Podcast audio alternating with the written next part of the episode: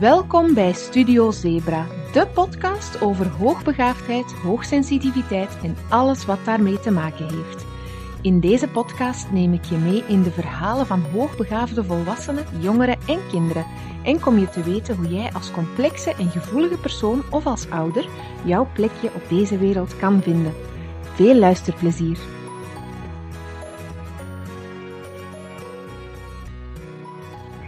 Hallo, hallo, welkom terug bij Studio Zebra. Bedankt voor jullie geduld, geduldige luisteraars. Ik heb een hele lange podcastpauze genomen deze zomervakantie. Gewoon omdat het kon en omdat ik uh, het mezelf ook heb toegelaten om de druk niet te hoog te leggen en pas iets te maken als ik er echt de tijd en de hoesting voor heb. En kijk, die hoesting die is er nu. Dus ik heb weer een onderwerp klaarstaan waar ik een beetje over wil vertellen. Zoals de vorige keren duik ik graag eventjes in de theorie, maar koppel ik dat ook weer aan mijn eigen persoonlijke ervaringen, mijn eigen verhaal, om het een beetje ja, aanschouwelijk en echt te maken. Vaak, zeker als slimme mensen, hebben we de neiging om heel erg in theorie te blijven hangen. En ik maak het toch graag een beetje menselijk en echt, dat jullie weten waar het eigenlijk over gaat. Waar wil ik het vandaag over hebben? Er is nog altijd zoiets dat heerst in onze maatschappij, zelfs bij mij nog altijd soms en bij mensen waar ik mee praat, dat we hoogbegaafdheid of, of slim zijn of slimmer dan gemiddeld zijn zelfs, dat we dat als een uh, luxe probleem zien. Dat we dat zien als iets van, ja, dat is toch fantastisch, dan heb je toch veel geluk, want dan gaat alles vanzelf. En dan moet je geen moeite doen. Maar dat is niet helemaal waar. Want er zijn een heleboel dingen waar hoogbegaafde, of zelfs niet per se hoogbegaafde, ook gewoon heel gevoelige mensen, intense mensen, meer begaafde mensen noemen we dat dan ook vaak, mensen die slimmer zijn dan gemiddeld, die hebben wel last van bepaalde dingen. Maar welke dingen zijn dat dan? Waar hebben die last van? En hoe komt dat, dat die daar last van hebben? Ik wil het vandaag eens hebben over de embodio's. Embodio's, dat is een term die verzonnen is of, bedacht door Tessa Kieboom. Dat is uh, de oprichter van Excentra VZW. Dat is een expertisecentrum rond hoogbegaafdheid in Antwerpen. Zij heeft samen met um, Kathleen Venderiks heel, een heleboel boeken geschreven, interessante boeken over kinderen, maar ook over volwassenen. En deze aflevering gaat eigenlijk eerder over volwassenen. En waar hebben wij last van? Hoe komt dat? En wat kunnen we daaraan doen? Die term embodio, die is eigenlijk afgeleid van het Grieks, het Grieks woord empodio. En wie al Grieks heeft gestudeerd op school, die weet misschien wat dat wil zeggen, maar dat wil eigenlijk zeggen een barrière of een hindernis. En er zijn een aantal zeer specifieke hindernissen waar intelligente mensen mee te maken krijgen. En je hebt die nooit allemaal. Uh, het zijn er altijd maar een paar. Sommige mensen wat meer, sommige mensen wat minder. Maar in de praktijk van Tessa Kieboom zijn dat wel altijd diezelfde problemen die naar boven kwamen. En in hun jarenlange ervaring hebben zij al die dingen gebundeld en daar een boek over geschreven. En het is een beetje de inhoud van dat boek waar ik het vandaag over ga hebben. Het boek heet Meer dan intelligent. En uh, ik zal een linkje posten ook waar je dat boek kan krijgen. Ik vind het echt wel een aanradertje. Nu, wat zijn die embodio's of die valkuilen waar wij mee te maken krijgen? Dingen die wij ons eigen hebben gemaakt, vaak ontwikkelt zich dat al in onze kindertijd. En die verhinderen dat we ons potentieel ten volle kunnen benutten. Dat zijn eigenlijk dingen die ons, ons belemmeren, maken dat we niet durven voluit gaan of, of zelf niet geloven in ons eigen potentieel. Die zijn heel persoonsgebonden, zijn voor iedereen anders, uiten zich ook op heel veel verschillende manieren. En in deze podcast wil ik echt een beetje vertellen over ja, hoe uiten die zich bij mij en misschien zijn die voor jullie dan ook heel herkenbaar. Waarom wil ik jullie dat allemaal vertellen? Ten eerste, het is heel belangrijk om zelf je bewust te worden van wat er jou belemmert in je leven. En daarvoor kunnen die embodio's een heel mooie leidraad zijn. Gewoon om te beseffen van, oh ja, bij mij was dat eigenlijk ook zo. Of ik heb hier ook wel last van. En ik vind voor mijzelf alleen dat al, het beseffen van wat maakt dat ik hier nu niet durf gaan, of wat maakt dat ik faalangst heb, of wat maakt dat ik hier nu zo raar op reageer. Gewoon die bewustwording van, ha, dat komt daardoor, dat is die bepaalde valkuil die voor mij van toepassing is, dat op zich helpt al. Want als je weet dat die valkuil er is, dan kan je er ook iets mee doen. En als je op het moment staat van er opnieuw in te vallen, ja, dan kan je jezelf even aan de oren trekken en zeggen van, hola, maar dat is weer die valkuil waar jij nu in gaat trappen. En alsnog mag je er dan weer invallen hoor. Dat is echt een proces van leren en, en een levenslang proces ook. Zeker als dat dingen zijn, ik ben nu al de 30 gepasseerd, dat zijn valkuilen die zich al meer dan 30 jaar ja, aan het opbouwen zijn, waar ik ook niet echt iets mee heb gedaan tot, tot voor kort. Dus ik denk dat het misschien nog eens 30 jaar gaat duren om, om die ook te kunnen afschudden. En dat is oké. Maar daar gaat het eigenlijk over, deze podcast. We gaan erin duiken. Er zijn elf embodyo's te overlopen, dus dat zijn er een heleboel. Sommige die zijn voor mij zeer herkenbaar, andere minder. Maar ik ga ze allemaal overlopen en dan ben ik heel benieuwd hoe dat voor jullie zit, welke voor jullie herkenbaar zijn en welke niet.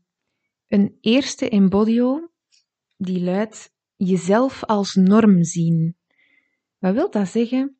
Slimme mensen of getalenteerde mensen, die kunnen vaak hele goede prestaties neerzetten zonder daar al te veel moeite voor te doen. Dat is al zo in hun kindertijd. En het is dan heel makkelijk om te denken dat dat voor iedereen zo is. Dat je zelf niet doorhebt dat wat jij kan op een korte tijd, dat dat eigenlijk best wel knap is of best wel bijzonder is. En dat de gemiddelde mens naast jou het niet op zo'n korte tijd zal kunnen of niet zonder moeite te doen dezelfde prestaties zal kunnen neerzetten. Niet dat hij daarom geen even goede prestaties kan neerzetten. Hè. Dat kan zeker wel, maar die zal daar meer moeite in moeten steken. En daar zit het grote verschil. Nu, het nadeel van deze valkuil is dat je, als je alles wat jij kan vanzelfsprekend vindt en ook denkt dat dat normaal is, dat je dat allemaal zo snel kan, kan het zijn ja, dan kunnen er eigenlijk verschillende dingen gebeuren. Het kan zijn dat jij de lat voor jezelf en voor je omgeving steeds hoger gaat leggen. Gaat verwachten dat het altijd zo snel en altijd zo goed gaat, dat alles picobello in orde is, omdat dat voor jou normaal is. Ook kan het gebeuren dat jij prestaties van anderen gaat minimaliseren. En dat is een lastige in sociale situaties. Zijn bijvoorbeeld kinderen die op school is goed moeten lachen als er iemand anders een fout maakt die in hun ogen heel, een heel domme fout is. Omdat dat voor hun zo evident is, je die fout niet maakt. En dan is het natuurlijk moeilijk om sympathiek te worden bevonden.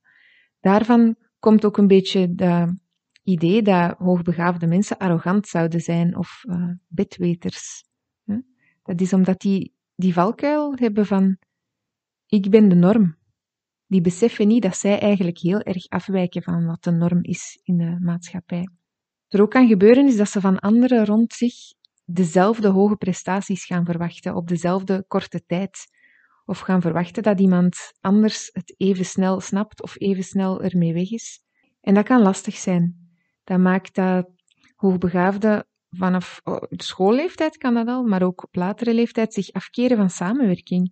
Dat ze het gevoel hebben dat ze toch altijd alles alleen moeten doen, dat zij het dan toch beter kunnen, of dat de rest niet genoeg moeite doet, dat de rest eh, het niet genoeg kan schelen, dat zij de enige zijn die doen wat hoort. Wat ook kan gebeuren is dat zij het gevoel hebben dat hun prestaties niks waard zijn, omdat die de norm zijn. Wat zij kunnen, dat vinden ze normaal. En alle ideeën die zij bedenken, die eigenlijk heel knap of heel creatief zijn, dat ze dan op vijf minuten in elkaar flansen, ja, daar zijn ze niet trots op. En ze hebben het gevoel dat ze niks, niks echt bereiken of niks echt goed kunnen afwerken. Dat hoort daar ook bij. Voor mij is dit een hele herkenbare. Voor mij is het inderdaad echt zo dat alles wat ik kan of alles wat ik doe, dat ik dat normaal vind, dat ik dat kan. En meer en meer besef ik dat dat niet altijd zo is, ook door echt te luisteren naar wat andere mensen zeggen. Een voorbeeldje is, is deze podcast, waarmee ik niet wil beweren dat ik daar supergoed in ben of dat dat hier een fantastisch professionele podcast is. Nee, dat is ook helemaal de bedoeling niet. Maar het is wel zo, ik kreeg van heel veel mensen ja, de opmerking of, of de ja, complimenten van, my wow, en, daar steek je dan toch veel tijd in. En welke cursus heb jij gevolgd om dat dan te kunnen? die techniek en zo. En, en, en heb je dan heel veel, dan ben je daar toch een hele dag aan bezig, aan die voorbereiding. En ik moest dan echt eerlijk zeggen, oei, nee, dat is niet. Ik schrijf dat even op een blad, op een kwartiertje. Ik zet mijn microfoon aan, ik begin te praten. En een paar uur later heb ik een afgewerkte podcast. En toen dacht ik, ja, dat is niet de norm. Dat is eigenlijk wel straf dat ik dat zo kan. En u daarvan bewust worden, dat is wel een hele belangrijke, omdat het zou voor mij gemakkelijk zijn om naar andere mensen te kijken en te zeggen, allee, kunnen die dat dan niet? Of kunnen die niet op een kwartiertje een heel script op een blad krijgen? Nee, dat zijn dingen die niet iedereen kan. En ik denk dat het heel belangrijk is om je daar ja, daarvan bewust te zijn. Zodat je ook realistische eisen kan stellen naar jezelf toe, maar ook naar de omgeving. Een ander voorbeeldje is um, toen ik vroeger groepswerk moest doen. Ja, nu moet ik dat gelukkig nooit meer doen, want ik ben zelfstandig alleen. Dus ik doe alles zelf. Dus dat bevalt mij momenteel wel. Maar ik weet, vroeger op school vond ik groepswerk echt niet leuk, omdat ik, ik toen nog heel erg in de overtuiging was van, ja, maar hier, het idee dat ik heb, of het werk dat ik doe, dat is de norm, dat is wat de leerkracht ook verwacht. En ik snap niet dat jullie daar allemaal zo licht over gaan. Dus ik zal hier de leiding wel nemen, ik zal de taken wel verdelen en ik verwacht dat dat dan morgen af is. En dan zag ik anderen soms al slikken, omdat, omdat ik van hun te veel verwachtte. En ik besefte dat toen helemaal niet. Dus dat is wel iets om over na te denken. Als jij deze embodio bij jezelf herkent van ja, stel ik misschien te hoge eisen aan mijn omgeving? De volgende vind ik een hele leuke, die hangt daar ook een beetje mee samen, hè, met jezelf als norm zien. Die embodio die luidt, Iets bereiken kost tijd. En dat is denk ik mijn allergrootste valkuil. Daar heb ik onlangs ook iets over gepost. Um, maar wil dat zeggen, iets bereiken kost tijd? Ja, de titel zegt het al zelf. Slimme mensen denken vaak dat alles snel kan. Dat alles gisteren al klaar had kunnen zijn. Complexe ideeën, taken, heel nieuwe dingen bedenken.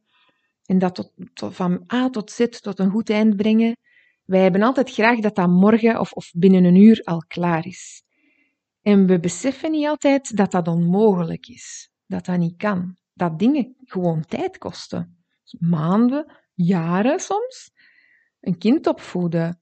Ja, als er daar iets niet in werkt en je stuurt wat dingen bij, ja, soms zouden we dan graag willen dat morgen het kind helemaal oké is en dat alles terugloopt, maar dat is niet zo.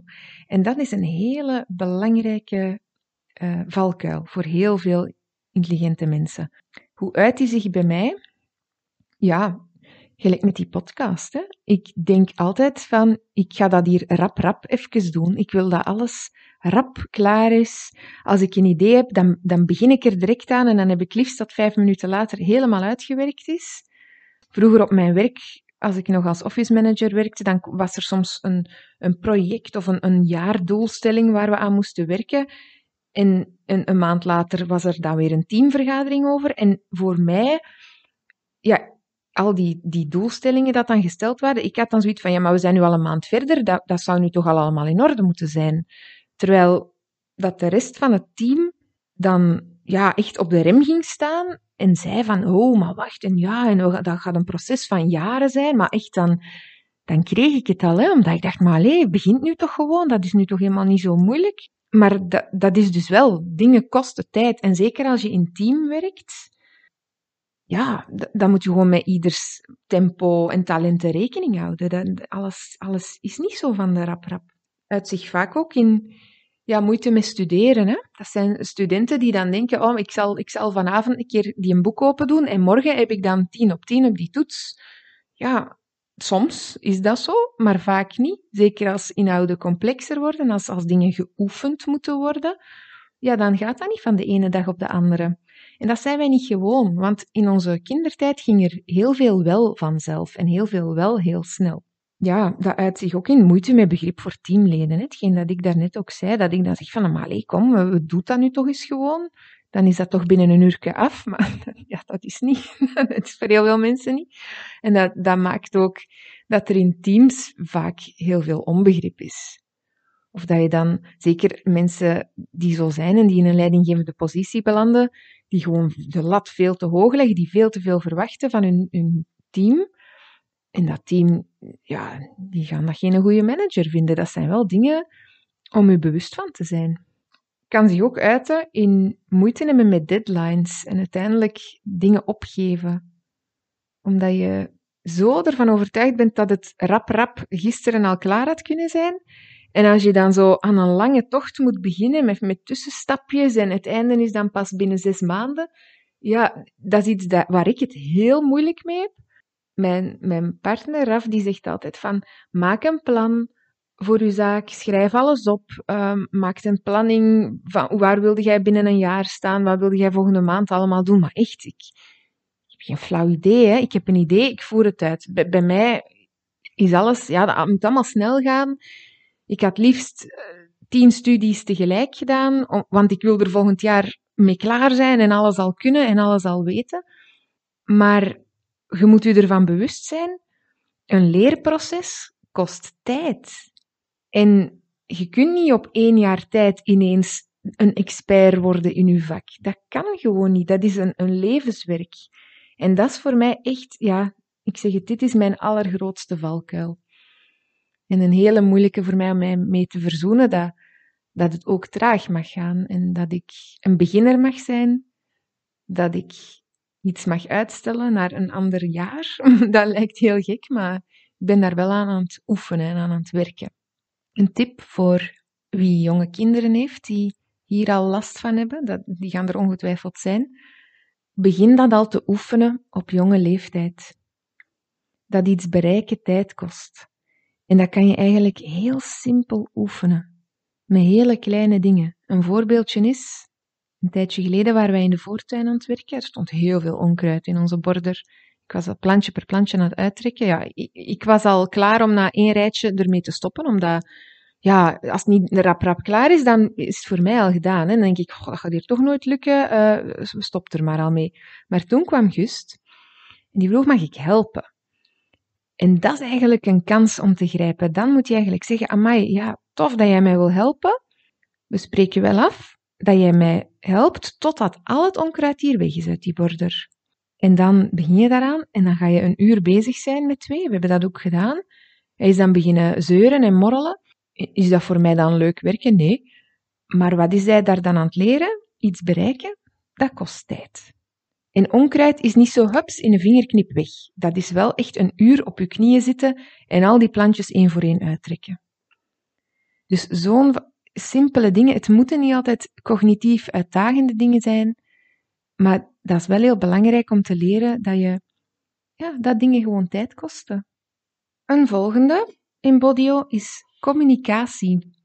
Dat is grappig, want dat is eentje, als je een beetje bekend bent met autisme-spectrumstoornis, dat is eentje die daar ook altijd opduikt. En dat is ook eentje die ervoor zorgt dat hoogbegaafde mensen soms ervan verdacht worden ook autisme-spectrumstoornis te hebben. Wat, wat kan, hè, wat voorkomt. Hè.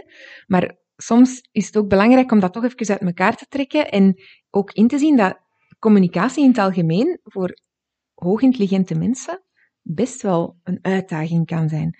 Waarom is dat? Ja, die denken heel snel en die spreken vaak zoals ze denken. Heel snel, met snelle associaties.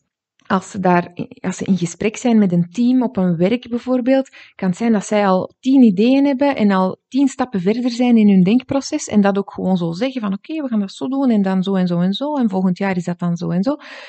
En dan kan het zijn ja, dat je de mensen niet mee hebt omdat jij een paar stappen bent overgeslagen in je denken. Um, dat zie je al in de lagere school, hè?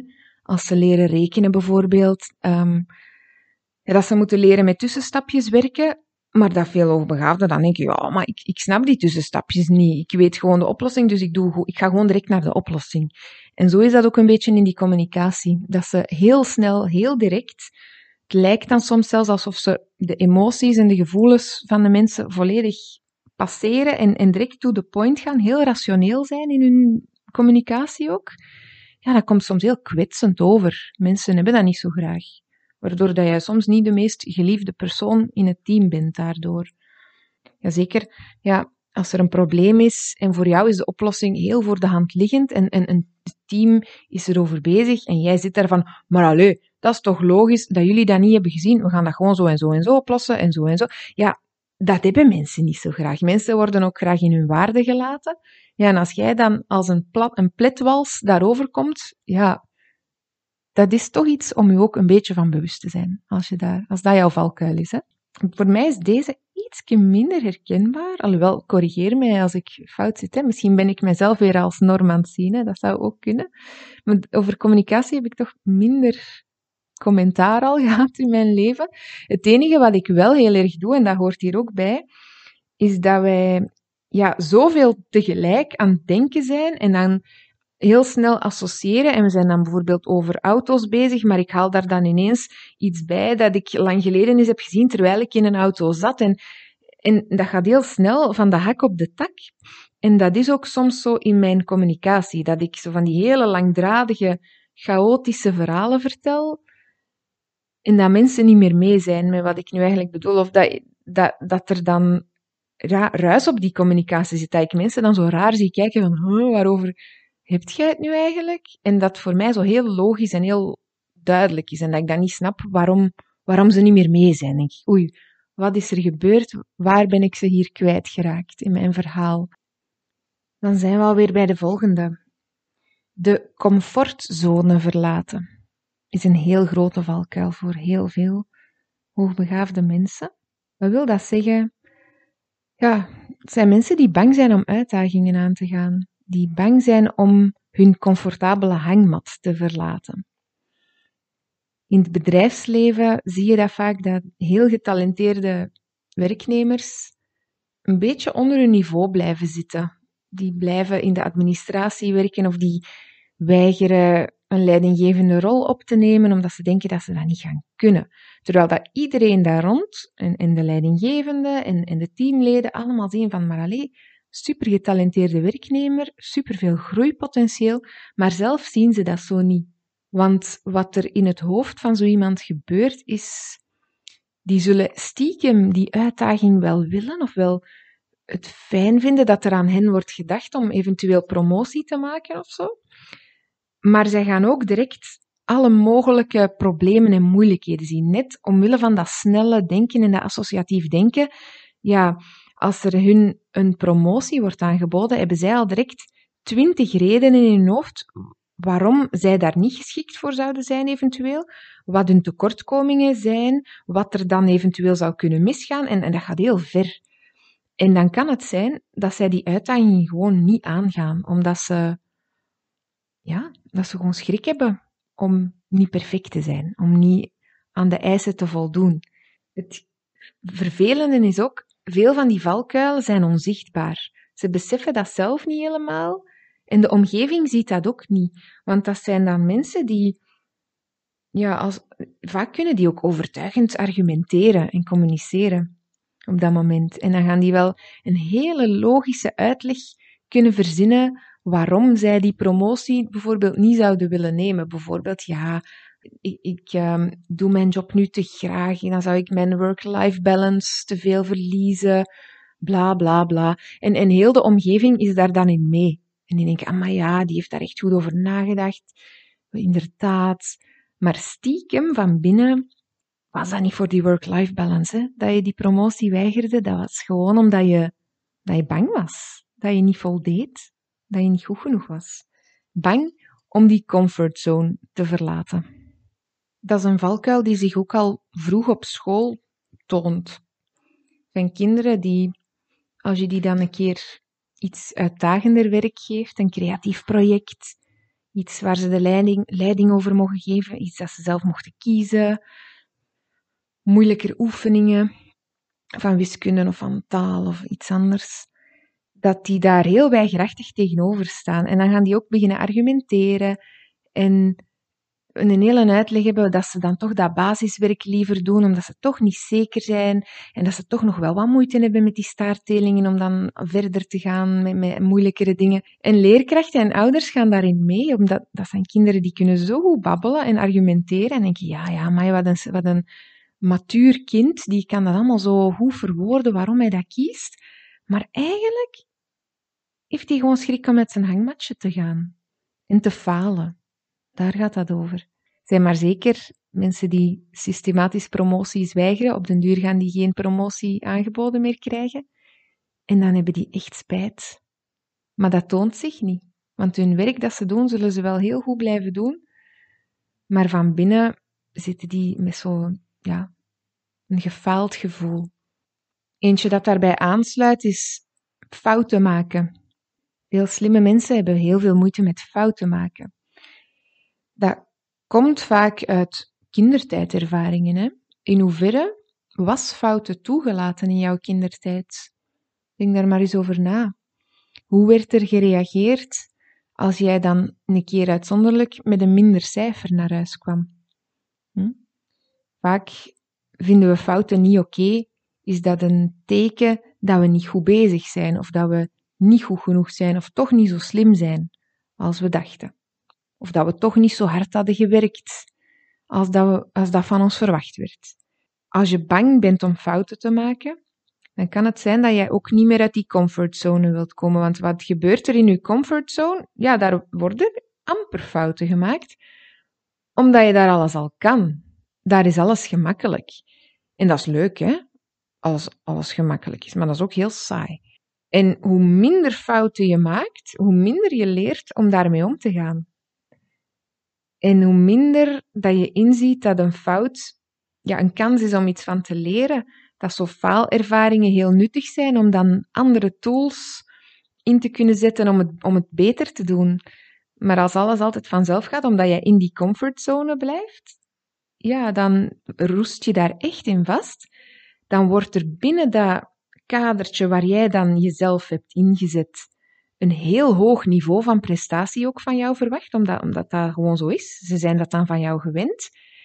En jij bent dan bang vanaf dat je daar buiten zou gaan, dat jij niet meer datzelfde hoge niveau gaat kunnen neerzetten. En dat heel je imago dan als een kaartenhuisje in elkaar stort. Dat is zo jammer, want het is net buiten die comfortzone dat je kansen liggen om nieuwe dingen te leren, om te groeien, om beter te worden, om nieuwe interesses te ontdekken, om nieuwe talenten te ontdekken van jezelf en verder te ontwikkelen. Dus ja, durf fouten maken, maar dat is heel moeilijk. Zeker in onze maatschappij verwachten we bijna dat we foutloos zijn. Hè? Zeker nu met die social media cultuur, heel veel perfecte plaatjes. Mm, we leggen onszelf heel veel druk op om perfect te zijn. En, en dat is gevaarlijk, want dan blijven we allemaal binnen ons kadertje van wat we kennen en wat we kunnen en durven we daar niet buiten gaan. Voor mij is dit zeer herkenbaar. Ik denk dat ik in mijn vorige podcasts daar ook al wel veel, op, ja, veel over heb verteld. Dat ik op de universiteit zelfs niet ben durven beginnen aan de examenperiode, omdat ik op voorhand dacht, oh, ik, ik ga niet die perfecte prestaties kunnen neerzetten die ze van mij gewend zijn. Dus dan gaan ze mij niet meer goed vinden, of dan ga ik mezelf niet meer goed vinden. Dan ben ik gewoon heel teleurgesteld in mezelf. Um, dus ik begin er niet aan. Ik zal wel iets gaan studeren dat makkelijk is. En dat is binnen die comfortzone blijven. Dat is die angst om fouten te maken. En dat is zo jammer. Ik ben daaraan aan het werken. Door opnieuw te gaan studeren, door dat op een andere manier aan te pakken. Maar dat blijft. Dat blijft heel moeilijk. Dat blijft extreem moeilijk. Dus ik probeer mijzelf een beetje te dwingen om ja, nieuwe dingen te proberen. Nieuwe ervaringen op te doen ja te zeggen tegen uitdagingen die op mijn pad komen, die ik vroeger zou geweigerd hebben uit, uit schrik. Maar nu zeg ik altijd ja en ga ik eens, ga ik eens horen en, en kijken van oké, ik ga dat gewoon proberen, we zullen wel zien. En ik zeg niet dat ik daar dan niet met mega schrik en hartkloppingen zit, zeker wel. Maar dat, dat zijn wel belangrijke ervaringen, want ik merk gewoon door dat te doen en door die angsten elke keer te overwinnen, ja, dat die ook minder worden. En dat, dat gaat nooit helemaal weg zijn, denk ik. Maar ik ben er wel aan aan het werken en dat op zich geeft al superveel voor voldoening. Van ik, ik, probeer, ik ga die uitdagingen aan en we zien wel. En als ik dan faal, ja, dan kan het zijn dat ik mij nog slecht voel daarover. En wat is dan falen? Ja, bijvoorbeeld ehm, tijdens de eerste examenperiode nu in, in mijn studie psychologie had ik op een, bepaal, op een vak een 14 gehaald. En dat voelde voor mij echt als falen. En dan heb ik echt zitten nadenken van, ja, hoe komt dat ik het daar zo moeilijk mee heb? Waarom vind ik dat niet goed genoeg, een 14? Maar dat is ook heel nuttig om daar even bij te gaan zitten dan en dat gevoel ook toe te laten van ik voel me nu gefaald, waarom is dat voor mij zo moeilijk? Waar ben ik eigenlijk bang voor? Dat je dat even bij jezelf gaat onderzoeken. En bij mij is dat echt een angst om niet goed genoeg te zijn of dat mensen het gaan doorhebben dat ik het eigenlijk helemaal niet kan. Maar dat zijn irreële angsten. Omdat een 14 op 20 is voldoende. Dus ik moet daarmee leren omgaan dat dat oké is. Dat perfectie niet nodig is. En zeker als je uit die comfortzone gaat, ja, dan ga je geen 18 op 20 op alles hebben. Dan, dan ga je fouten maken, dan ga je nog dingen moeten leren. En dat zou net een trigger moeten zijn om, om verder te doen van, ah, ik heb hier nog wel iets te leren. Want altijd binnen je comfortzone blijven, ja, daar heb je niks meer te leren. Dat is gewoon super saai. En daar roesten we in vast, totdat we daar zo in vastzitten dat we er niet meer uit durven. Dus dat zou ik wel aanraden aan iedereen, van durf daar eens uit te komen. En dat hoeft niet op professioneel vlak te zijn, ja, want daar heb je veel te verliezen. En dat is misschien ook heel angstig dan voor ons. Dus probeer gewoon zoiets in je vrije tijd. Een sport dat je nog nooit hebt gedaan, maar dat je wel leuk lijkt, maar dat je denkt dat je helemaal geen talent voor hebt, ga dat gewoon eens doen. Zo van die dingen. Of wou je al heel je leven een muziekinstrument leren bespelen? Ja, begin daar gewoon eens aan. En dat is ineens een hele goeie om te oefenen in iets bereiken kost tijd. Dus denk eens na bij jezelf, is dat voor mij een valkuil? Geen fouten durven maken, niet uit mijn comfortzone durven komen. En zoek eens, wat zou voor jou een uitdaging kunnen zijn? Geen grote stappen, hè? iets klein. En probeer dat gewoon. En je zal zien hoeveel voldoening dat je daarvan krijgt. De volgende, een hele andere, is de lege toolbox. Wat wil dat zeggen? Een lege toolbox. Ja, een toolbox mag je echt je letterlijk voorstellen als een doos waar al je gereedschap in zit, je schroevendraaiers, je zaag, je boormachine. De dingen die jij nodig hebt om je werk en je bezigheden te kunnen doen.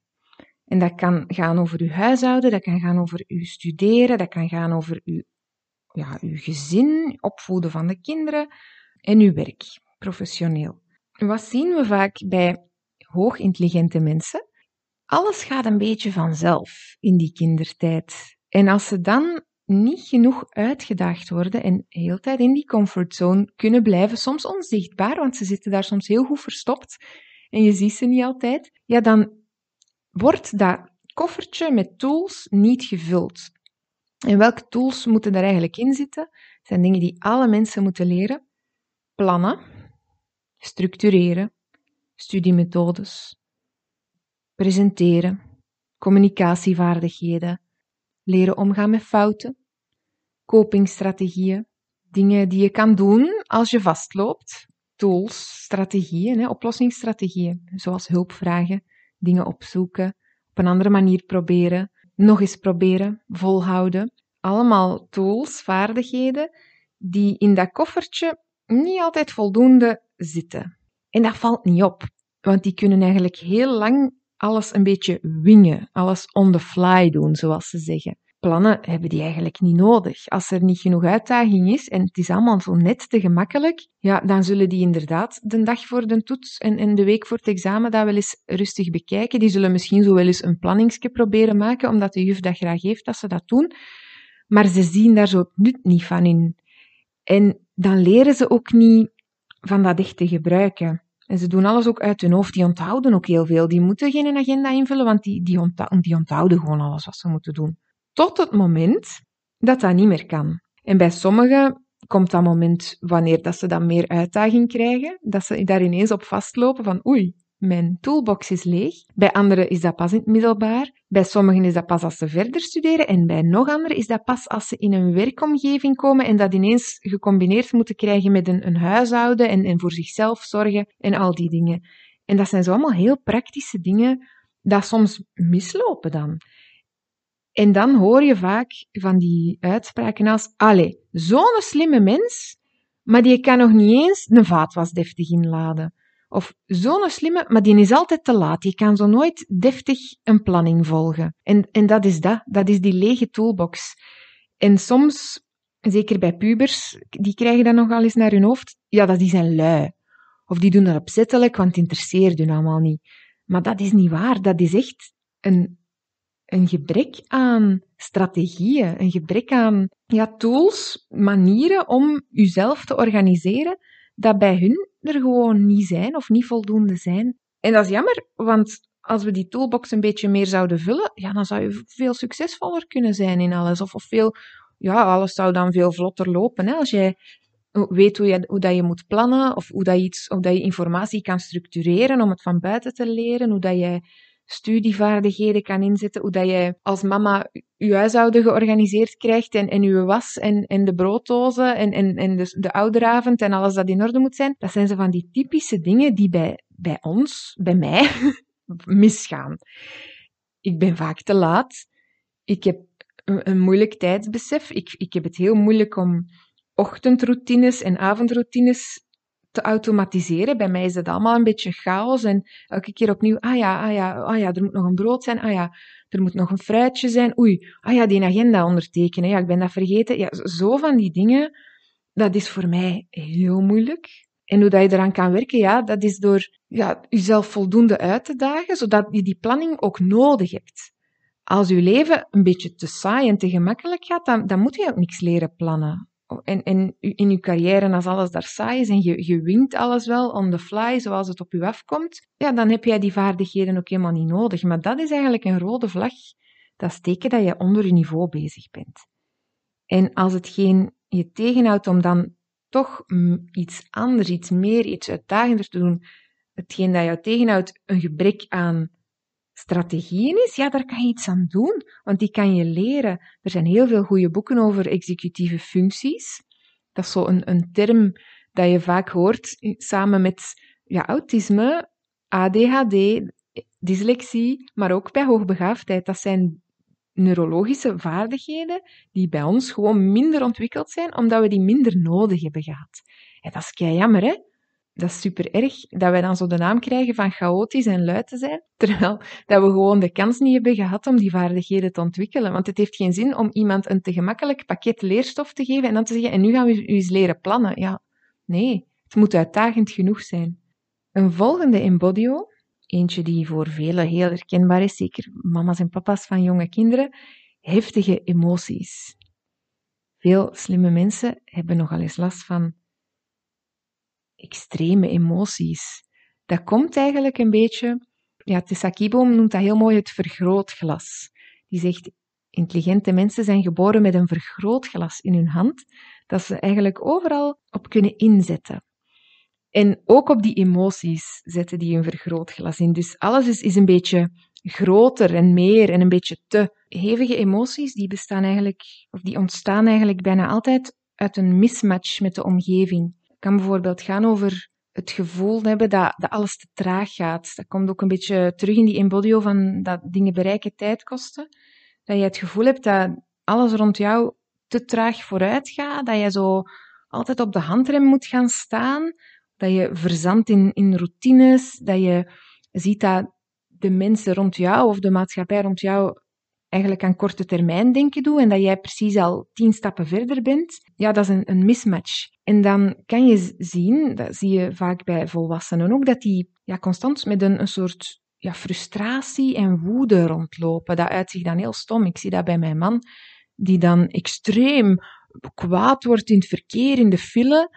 En ik denk dat dat zijn oorzaak een beetje heeft, ook in die mismatch van het gaat voor mij te traag en ik, ik zit vast.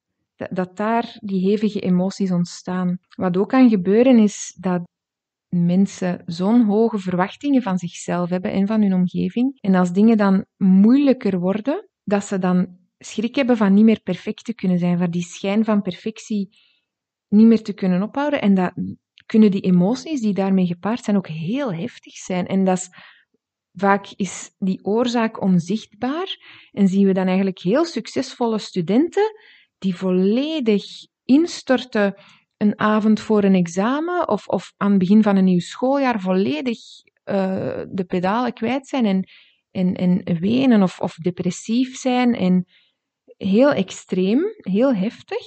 En dat, ja, dat begrijpt de omgeving niet altijd zo goed, terwijl dat daar van binnen eigenlijk van alles gebeurt.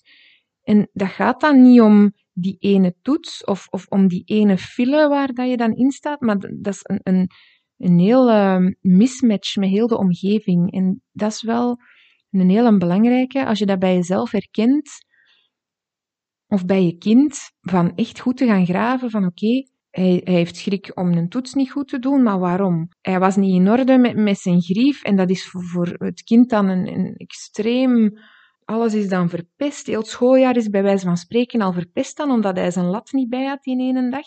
Wat zit daaronder? En, en vaak is dat de angst om niet meer perfect te kunnen zijn, om niet te voldoen aan uw eigen verwachtingen. Of een uh, onbegrip, niet, niet snappen van waarom gaat alles zo traag. Aan de andere kant kunnen die heftige emoties ook een, een motor zijn om tot goede dingen te komen. Als je ja, als je in bepaalde situaties enorm enthousiast en goedgezind en gemotiveerd kunt zijn door, door kleine triggers en dan tot, tot ongelooflijk creatieve dingen kunt komen, ja, dat hoort daar ook bij. Dus dat is een heel mooi talent, maar het is een beetje oefenen en zoeken hoe dat jij jouw vergrootglas inzet. En even mee te surfen op die hele hoge toppen van positief gevoel en positieve emoties, dat is voor mijzelf een hele herkenbare als vrouw ook vooral. Ik denk dat sommige vrouwen dat zeker wel zullen herkennen. Bij mij is dat hormonaal ook heel afhankelijk.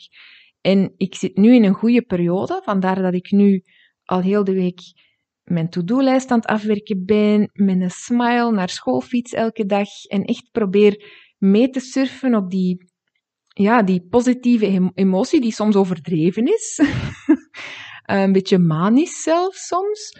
Maar dat helpt mij wel vooruit. Terwijl ik weet dat er wel weer zo periodes zullen aankomen waar dat ik zo eerder heel depressief kan zijn en traag en het niet meer goed zie zitten. En dat zijn dan niet de momenten ja, om er volop in te vliegen. Dus dat is voor jezelf ja, een beetje zoeken en oefenen.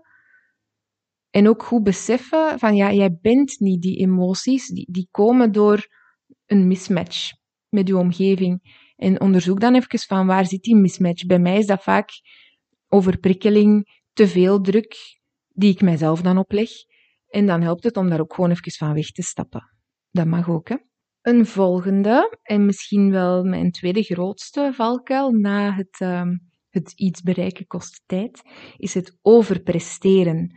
Dat is iets dat zeker niet voor alle hoogbegaafde mensen van toepassing is. Hè. Je hebt ook heel veel mensen die eerder gaan onderpresteren of, of die heel erg schrik hebben om uit een comfortzone te komen, maar je hebt ook mensen die heel erg kunnen gaan overpresteren. En hoe uit zich overpresteren, dat klinkt positief. Dat is precies zo van, oh, dan heb je altijd goede punten en doe het supergoed en ga je alle uitdagingen aan. Dat is het eigenlijk niet. Wat is overpresteren wel? Dat is um, ja, de lat gewoon extreem hoog leggen, onrealistisch hoog, en daar dan toch willen geraken. En hoe raak je daar dan? door met studeren bijvoorbeeld heel tijdrovende technieken, alles opschrijven, alles nog eens opschrijven, heel gedetailleerd studeren, heel plichtsbewust daarmee bezig zijn, eigenlijk leuke dingen zoals een verjaardagsfeestje aan u voorbij laten gaan of, of, of het kerstfeestje van nee, nee, nee, want ik moet studeren. Heel planmatig, ja, u, uzelf een enorme druk opleggen. Dat komt vaak voort uit die extreme nieuwsgierigheid dat slimme mensen vaak hebben, die willen alles weten, willen alles kunnen, willen alles beheersen. Dat is iets dat ik zelf heel erg herken. Maar ja, dat kan niet. Je moet daar ook ergens keuzes in maken. Je kan niet alles weten, je kan niet alles leren. Dat, dat, is gewoon te veel. En als je dat van jezelf verwacht, ja, dat is gevaarlijk. Als je een prestatie wil neerzetten die eigenlijk te hoog gegrepen is, of die lat ligt te hoog, je verwacht te veel, dan kunnen er verschillende dingen gebeuren. Je hebt mensen die dan in hun comfortzone blijven en die gaan onderpresteren eigenlijk op dat punt. Je hebt ook mensen die gaan overpresteren, in overdrive gaan, noemt dat ook wel. Dat zijn soms kinderen die tot een kot in de nacht zitten te studeren voor iets dat ze eigenlijk al beheersen, maar die, die dan per se tien op tien willen. En in uw later leven, volwassen leven, kan dat zich dan uiten in workaholic gedrag. Nu op zich, dat alles willen weten, de lat hoog leggen, dat plichtsbewustzijn, planmatig willen werken, dat zijn hele mooie talenten, dat u ook heel ver kunnen brengen in het leven. Maar het gevaar schuilt er vooral in dat je van het moment dat je denkt dat, dat je dat niet gaat lukken zo, zo, zo goed als jij in gedachten hebt, dat je dan in die een overdrive kunt gaan. Dat niks niet meer goed genoeg is, dat werkuren voor jou ineens niet meer bestaan, dat je tot s'avonds laat zit door te werken, want, want die, die mail moet toch binnen het uur beantwoord worden, en dat je zelf altijd maar hogere eisen gaat opleggen en daar volledig in doorslaat, ten koste van je privéleven vaak, of, of je welzijn. En je stressniveau. Mensen die gevoelig zijn voor deze valkuil, dat zijn de mensen die in een burn-out belanden. Omdat die grenzeloos in overdrive gaan en altijd maar die, die hoge lat willen halen, die hoge prestatie. En hoe langer dat je dat wil doen, hoe langer dat je dat probeert, ja, hoe minder goed dat dat lukt, omdat die uitputting er dan ook bij komt. Ja, en, en dat is een cocktail voor een burn-out wat voor mensen gaan overpresteren? Wat, wat zijn kenmerken van die mensen? Ja, zijn divergente denkers. Die zien overal de hiaten en de opportuniteiten. Als jij met een probleem wordt geconfronteerd en jij ziet alle mogelijkheden, alle mogelijke problemen op het pad, en je bent daarbij dan ook nog eens heel creatief, oplossingsgericht en gedreven, ja, dan heb je een, een ideale cocktail om te gaan overpresteren, om elke jaad te vullen, om elke oplossing helemaal tot in de puntjes uit te zoeken. En dat, dat zijn fantastische talenten, maar het is heel belangrijk om daar grenzen in te leren stellen. Dat is de grootste taak voor mensen die last hebben van deze valkuil. Hoe begrens ik mijn werk, hoe begrens ik alle, want dat, dat, dat uit zich ook in uw huishouden of in uw opvoeding of, of in uw hobby's vaak, de mensen die daar ook in gaan over presteren, dat, dat, dat niks gewoon ter ontspanning kan zijn, dat alles een prestatie moet zijn, dat alles perfect moet zijn. Eentje om over na te denken en eentje waar al heel veel boeken over zijn geschreven. Dat is veel te kort om nu eventjes in een podcast op in te gaan. Voor mij ook een hele grote valkuil. Op mijn werk ging ik altijd heel snel in overdrive, omdat ik vond dat alles perfect moest. En als ze dan zien dat je wel wat kan, dan krijg je extra werk en meer en meer en meer. En je wil dat dan allemaal nog even perfect blijven doen. En dat kan niet. Dus ik zat ook s'avonds nog mails te beantwoorden. Ik bleef langer en langer op het werk. Dat ging dan ten koste van mijn kind. Of dan zat ik liever mails te beantwoorden, nog rap rap, in plaats van met hem een beetje te spelen. Ja, dat, dat zijn dingen, dat zijn gevaarlijke waarschuwingssignalen. Uw werk is nooit belangrijker dan uw welbevinden of het welbevinden van uw gezin. Trek daar alsjeblieft grenzen in, maar dat is een hele moeilijke opdracht. Een volgende, we zijn er bijna, het zijn er nog drie te gaan, is weerstand. Wanneer mensen in weerstand gaan, dan hebben ze de neiging om dwars te gaan liggen als het hen niet zint. Als ze gefrustreerd zijn, als ze iets nutteloos vinden, wanneer ze ja, nut ergens niet van inzien, wanneer ze ergens geen zin in hebben, dan gaan die dwars liggen, gaan ze moeilijk doen. Uit zich al heel vroeg in de kleutertijd vaak.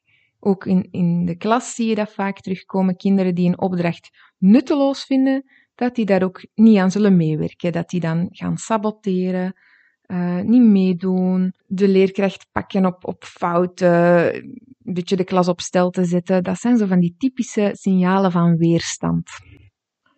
Gebeurt ook als ze niet akkoord zijn met iets dat iemand zegt, of als ze iemand niet graag hebben, of iemand niet oprecht vinden, kan het zijn dat ze in weerstand gaan. Wie mijn podcast al heeft beluisterd, die zal zich het verhaal misschien herinneren van die leraar in het vierde leerjaar die kinderen sorteerden op rapportcijfer en die dan ja, de eerste rij waar de, de tussen aanhalingstekens zaten, die met de laagste punten, die een beetje ja, pesten en uitschelden. En ik zat van achter in de klas en ik vond dat zo onrechtvaardig, dus ik moest die leraar totaal niet meer. En ik ben daar echt in weerstand gegaan. Niet meer meedoen, saboteren, met mijn ogen rollen. En, en dat is iets, ik weet dat ik dat doe. Dat is echt een valkuil van mij, van in weerstand te gaan. Een heel recent voorbeeldje. Zal ik eventjes delen. Ehm, ik hoop dat mijn eh, lectoren van de hogeschool niet meeluisteren, maar kijk, dat blijft tussen ons. Ik moet dit jaar een eindstage doen van 10 weken of 400 uur. Dat is best wel pittig. Ah, ik heb er wel zin in, maar ik ben nog eventjes aan het puzzelen hoe ik dat gecombineerd krijg met mijn uh, praktijk en mijn ander werk. En er was mij aan het begin van het verkort traject, want ik, volg een verkort traject. Ik doe de studie van drie jaar in twee jaar, wat best pittig is. Ik weet dat ik mij daar zelf ook heel wat mee op de hals haal. Maar kijk, ik moet het voor mezelf uitdagend houden, want anders uh, wordt het voor mij te traag. En dan gebeuren er allerlei dingen die te maken hebben met mijn embodios. Maar oké, verder met mijn verhaal. Er was mij dus gezegd geweest aan het begin van de opleiding dat wie in het verkort traject zat, zijn stage in principe volledig in het laatste semester moest doen, omdat je in het derde semester nog een aantal vakken moet afronden. Maar dat ze daar heel flexibel in zijn en dat jij gewoon ook, als je dat wil, de stage kan spreiden part-time over een heel schooljaar, zodat het makkelijker combineerbaar is met werken. Want ik volg een richting die ook veel mensen volgen die, ja, die werkstudent zijn, die naast hun studie ook nog een, een job hebben, zoals ik. En ik dacht, oké, prima. Uh, en nu, nu was het zover. Ik ben aan het regelen waar ik stage ga doen. Ik had al een idee. En ik stuur een mailtje naar die dienst die de stage begeleidt. Met gewoon de vraag van oké, wat zijn de opties eigenlijk? Ik had gehoord ofwel een, een kortere stage en een taak als aanvulling. Of een vervroegde start in oktober of november al. Dan kan ik een part-time over heel het schooljaar starten. Eh, graag een beetje uitleg over hoe dat ik dat dan best plan. Uh, en ik kreeg eigenlijk zo een hele officiële mail terug, zo, met heel weinig empathie. Allee, ik ben daar heel gevoelig al voor. Uh, van ja, uh, normaal doen we dat niet. En wij, verwachten van jou een schriftelijke motivatie waarom jij denkt uh, dat, dat, dat, dat kan. En hoe jij denkt de hiaten in jouw kennis op te vangen als jij al vroeger met een stage zou starten. Bla bla bla bla. Een heel verhaal. Wat er eigenlijk op neerkwam dat, ja, dat het wel kan, maar dat je dan wel nog even een paar administratieve Kafkaiaanse hindernissen zal moeten nemen. En ik kan daar niet tegen. En, ik, en ik, ik was direct, ik was heel kwaad na die mail, gefrustreerd. Ik was al klaar van, ja, laat het dan maar al. Ik doe al geen stage niet meer. En ik stop ermee. Echt zo'n gedachte gaan er dan door mijn hoofd. En dat is weerstand. en dat is voor mij een hele herkenbare. Ik denk dat die bij mij op drie staat ben aan het denken, bij Raf, dat is mijn partner, staat hij op één. Die gaat over alles in weerstand. En mijn kind, Gust, die gaat ook over alles in weerstand. En dat is grappig om erover na te denken. Het is ook niet zo gek dat, dat dat bij August zo speelt, als dat bij ons alle twee zo sterk aanwezig is, zo dat rebelse karakter van, oh, als we niet akkoord zijn, dat we eigenlijk ontploffen en kwaad zijn en niet meer mee willen doen en gaan saboteren. En, en ik was al direct aan weer van, ja, en, en die hogeschool, en ze moeten maar zien dat ze zelf met dat en dat en dat in orde zijn, en trekt zelf op niks. Ik, was direct zo het wel eens niet eens spel aan het spelen van wie heeft er hier nu gelijk, wie is er hier nu eh, beter. Allee, ik, ik mocht toch vroeger mijn stage doen, dat is niet eerlijk, dus het hoeft voor mij al niet meer. Maar ik, ik heb dat dan wel weer kunnen laten zakken, dat is gisteren gebeurd, hè, maar ja, ik weet dat nu, dat dat voor mij een valkuil is. Dus ik, ik ben ook niet gestopt. Ik heb ook geen boertige mail teruggestuurd. Vroeger zou ik dat wel gedaan hebben, nu niet. Maar ik weet dat dat een valkuil is. En ik moet daaraan werken door die emoties even eerst te laten zakken en dan pas tot actie over te gaan. En de actie zal nu zijn, ja, ik zal inderdaad het Kafkaiaanse spel meespelen en die motivatie schrijven en dan zal dat wel allemaal goed komen. Maar dat wil niet zeggen dat ik er akkoord mee ben of dat ik er blij mee ben. Hè? Maar dat is wel een verschil. En dat in weerstand gaan, ja, dat kan heel ver gaan. Hè? Als kinderen zich niet begrepen voelen en jij benoemt niet van, goh, eigenlijk heb jij wel gelijk, of eigenlijk snap ik wel dat jij zo gefrustreerd bent, en dan gaan die zich meer en meer gaan afzonderen, eigenlijk apart zetten, solo gaan, heet dat dan, dat ze met niks niet meer meedoen. En dan wordt het gevaarlijk, hè? want dat zijn soms kinderen, volwassenen vaak ook, die het slechte pad opgaan. Ik weet geen exacte cijfers, ik heb die ooit een keer gezien, maar mensen die in de criminaliteit belanden, dat zijn vaak hoogintelligente mensen. Net omdat die zo gefrustreerd zijn door van alles dat zij niet terecht vinden en daardoor hun eigen weg gaan. Dus dat, is wel eentje om goed in de oog te houden en goed aan te pakken. Als je dat bij jezelf ziet, praat daarover. als je dat bij je kind ziet, luister ook echt van waar die frustratie komt. Geef hem ook gelijk als hem gelijk heeft. En vervolgens kan je verder gaan kijken van oké, maar welke regels zijn er hier nu die we helaas zullen moeten volgen, ook al vinden we het een beetje zever. Dat mag. Maar je mag je kind en je mag jezelf daar ook echt gelijk in geven, mild zijn voor jezelf. Hè? Ik heb tegen mijzelf echt gezegd gisteren van, oké, ja, het is terecht dat ik boos ben, hè. Ik vind dat ook een beetje belachelijk.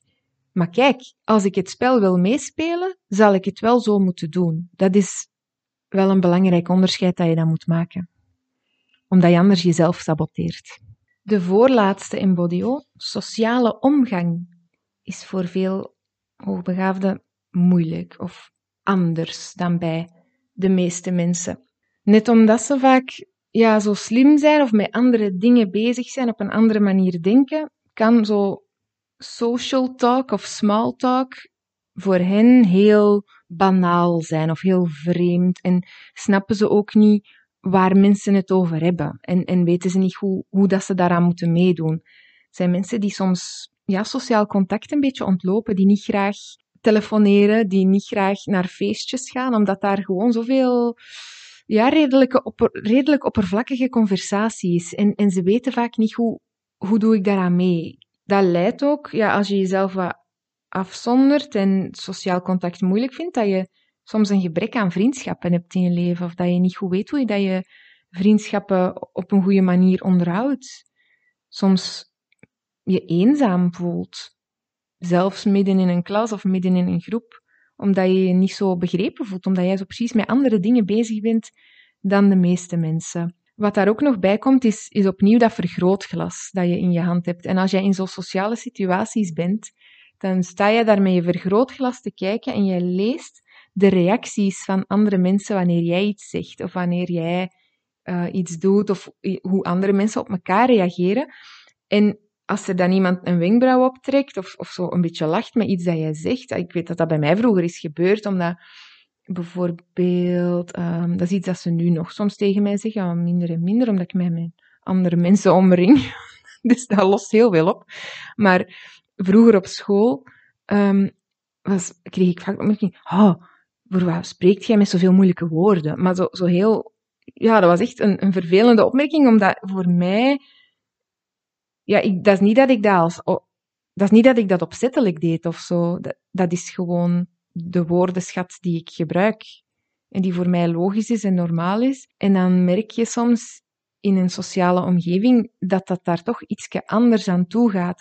En dan kan dat ook verschillende kanten uitgaan. Ik heb mij heel erg willen aanpassen en, en meedoen met de rest. En ik, ik weet dat ik heel vaak heb gedacht vroeger als kind van, ik dat ik dom was. Ik dat ik gewoon dommer was. Dan kon ik gewoon meedoen en gelukkig zijn. dat zijn zo van die hele gekke gedachten. Ja, nu denk ik dat niet meer hoor. Maar ik snap wel waar dat van kwam toen. Dat is zo die basisbehoefte om erbij te horen, om, om in een groep uw plaatsje te vinden.